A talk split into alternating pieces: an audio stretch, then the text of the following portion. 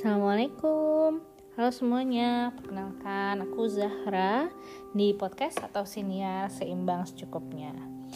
Uh, Podcast atau siniar ini akan membahas hal-hal yang aku pelajari dari apa yang aku tonton, dari apa yang aku baca, atau hal-hal yang mungkin bisa kita diskusikan. Uh, Biasanya temanya adalah uh, terkait dengan positive psychology, self development atau juga self care. Hmm, senior ini atau podcast ini harapannya bisa jadi perjalanan aku dalam berupaya menjalankan kehidupan yang seimbang dengan secukupnya.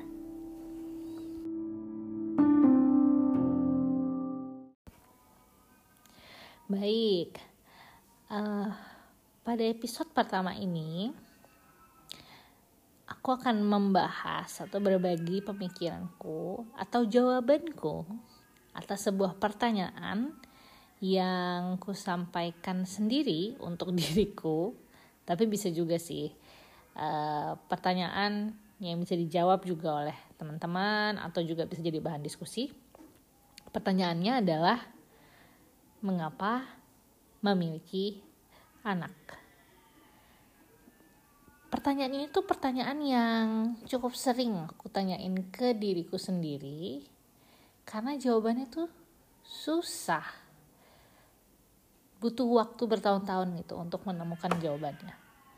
Karena ya bingung apa ya jawabannya gitu. Nah uh, kondisinya aku tuh udah menikah dari tahun 2015 mungkin banyak orang tahu juga ya kalau tujuan pernikahan itu salah satunya adalah untuk membangun keluarga. Kalau menurut Kamus Besar Bahasa Indonesia, yang namanya keluarga itu unsurnya adalah ada seorang uh, ayahnya, ada ibunya, dan juga ada anak-anaknya.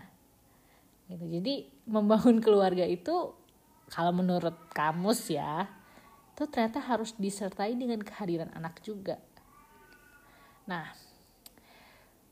sebenarnya sih kalau ditanya tentang apakah aku ingin punya anak atau enggak pada tahun 2015 jawabannya adalah belum belum ingin.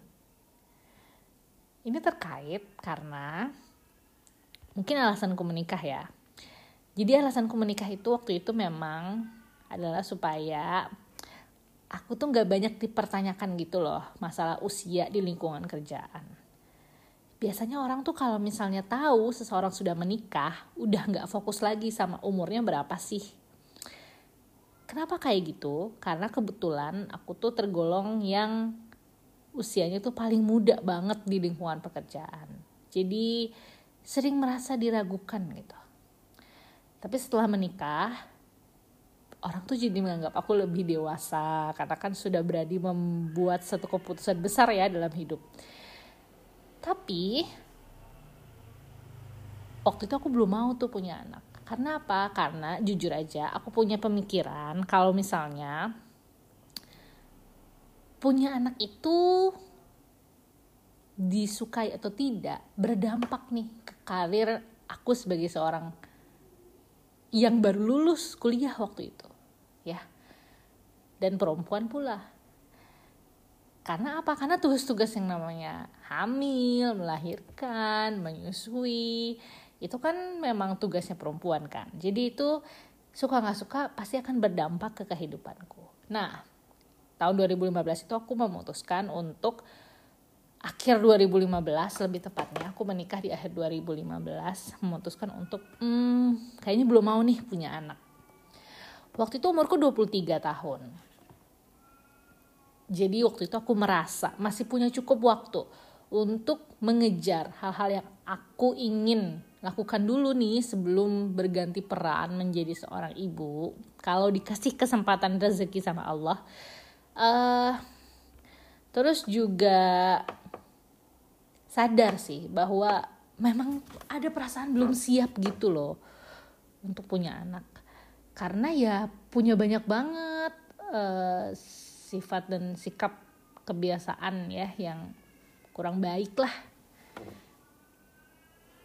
Kemudian aku juga tipe orang yang menolak pemikiran bahwa uh, ya udah orang tuh menikah terus dia langsung punya anak gitu ya kenapa sih harus kayak gitu gitu? Boleh nggak sih kalau enggak gitu kan? Jadi uh, aku menolak memiliki anak membangun keluarga itu sebagai sesuatu yang uh, sudah seharusnya. Dan punya keinginan untuk memberikan uh, apa ya makna baru untuk diriku sendiri menemukan alasan ya alasan tuh kalau di lagi-lagi merujuk ke kamus besar bahasa Indonesia ya itu tuh asal katanya adalah alas. Artinya adalah pondasi ya.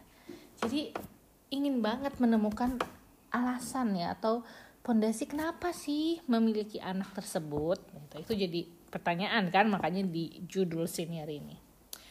Gitu. Nah hmm, pertama tadi karena menolak bahwa memiliki anak itu adalah sesuatu yang seharusnya dari sebuah pernikahan kemudian juga tadi yang kedua adalah aku menyadari banget perbedaan adanya anak dan tidak adanya anak bagi kehidupan seorang perempuan.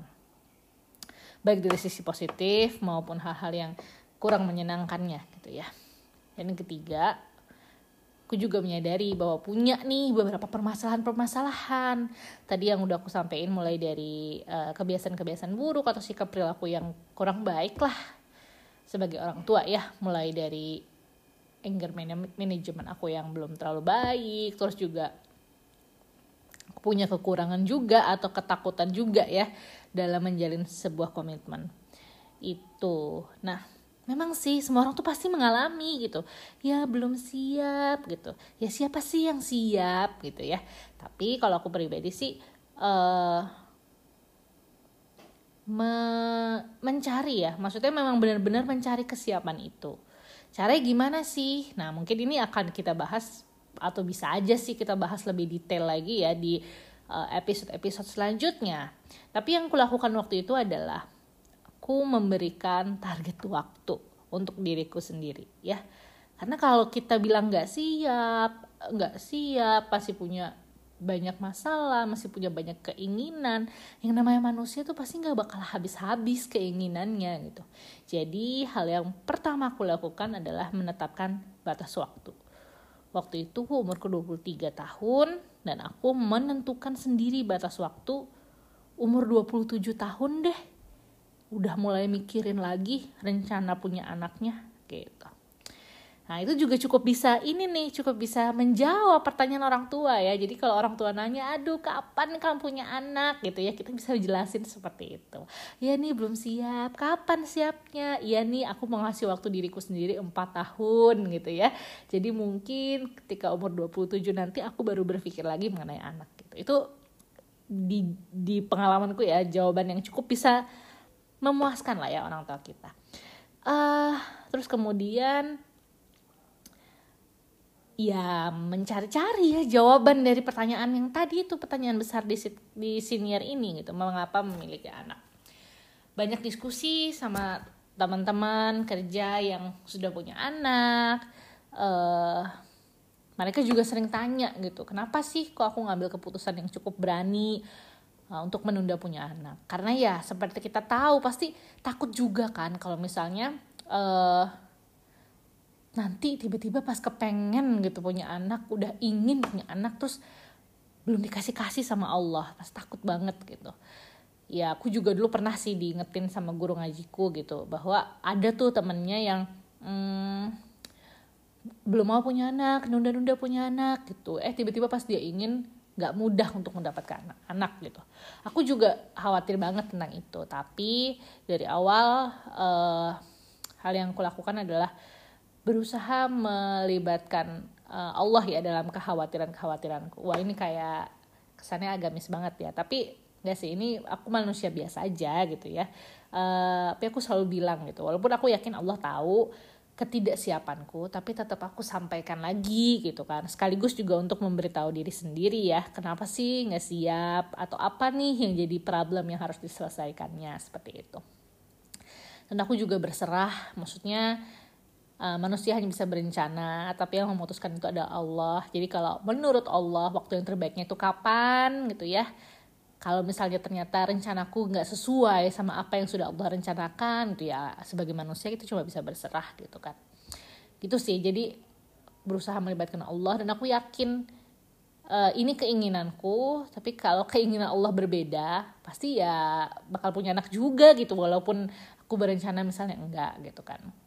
Uh, dan aku yakin sih kalau misalnya dengan cara seperti itu semoga aja aku nggak dihukum sama Allah dengan nanti ketika misalnya sudah ingin atau sudah berencana punya anak eh uh, belum Allah kasih kesempatan. Tapi kalaupun demikian aku sudah berjaga-jaga dengan pemikiran bahwa ya artinya menurut rencana Allah belum waktunya gitu.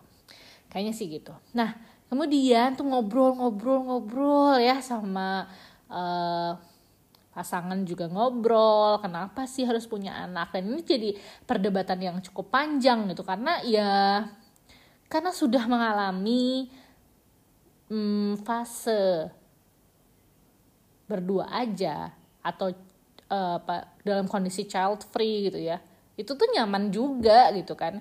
Uh, bisa fokus kerja, bisa istirahat dengan cukup gitu kan. Terus kemudian juga apakah kesepian? Enggak juga gitu ya. Kita nggak pernah merasa kesepian. Jadi ya sebenarnya adalah kondisi yang nyaman juga gitu, nggak menderita rumah sepi dan lain sebagainya gitu. Kami enjoy juga menikmati kondisi tersebut. Tapi akhirnya uh, menemukan juga sih jawabannya. Dan jawaban ini bukan mungkin bukan jawaban yang sangat original atau kayak berbeda yang mind blowing enggak gitu.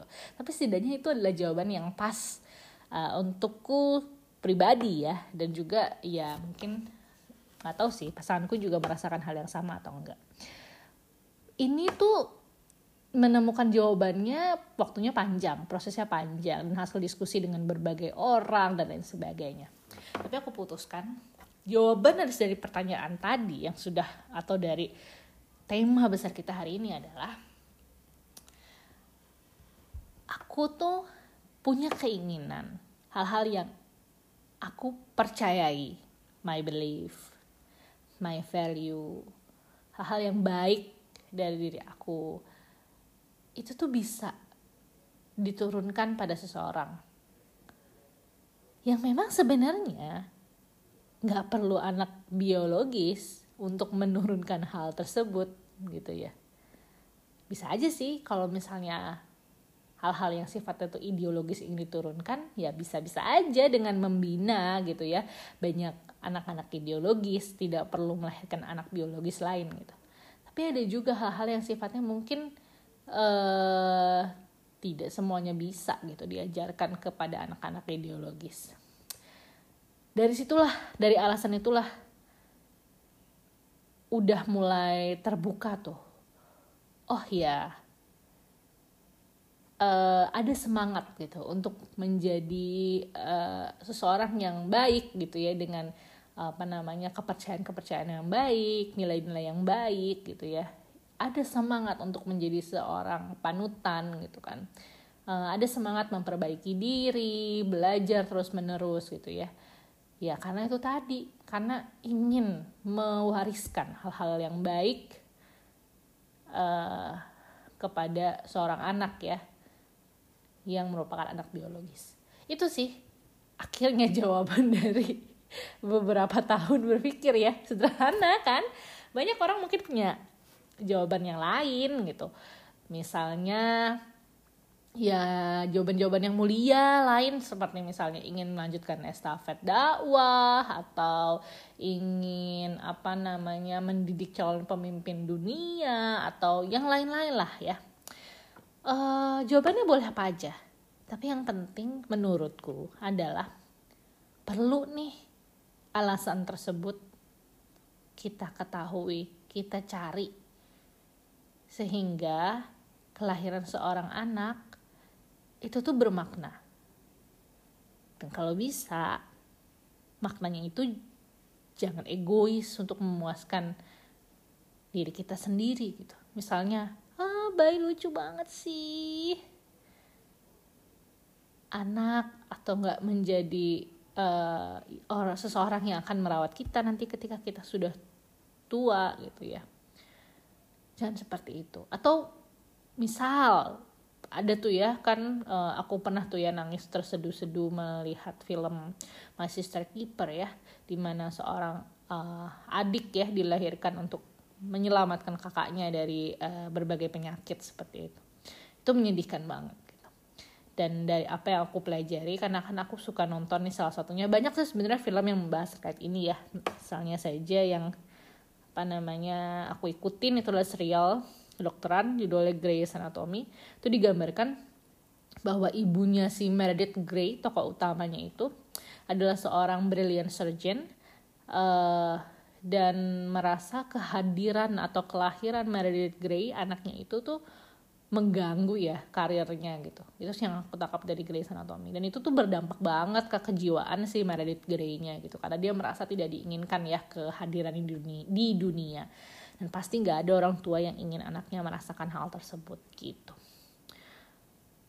Atau misalnya dari sebuah film Indonesia ya yang baru-baru ini uh, tayang di Netflix Ali dan Ratu-Ratu Queens ya. Situ juga digambarkan gitu bahwa wajar banget kita sebagai perempuan tuh punya keinginan gitu. Dan wajar juga kalau kita sebagai seorang ibu tuh punya keinginan gitu tapi menjadi sebuah yang menyedih sesuatu bukan sebuah ya sesuatu yang menyedihkan ketika kita jadi harus meninggalkan anak kita untuk mengejar apa yang kita inginkan.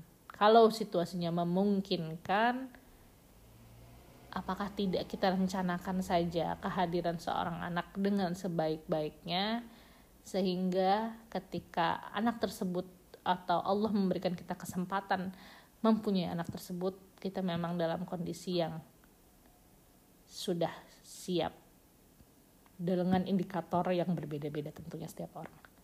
Gitu dulu kurang lebih uh, yang mau aku ceritain di episode satu ini semoga ada yang bisa diambil atau ditarik sebagai sebuah manfaat dan dibuang jauh-jauh aja kalau ada hal-hal yang tidak bermanfaat. Kalau ada yang berbeda pendapat, monggo silahkan saja. Ini adalah sebuah pemantik diskusi untuk pemikiran gitu ya. Semoga kita juga masih punya kesempatan untuk ketemu di episode-episode selanjutnya. Sampai ketemu lagi.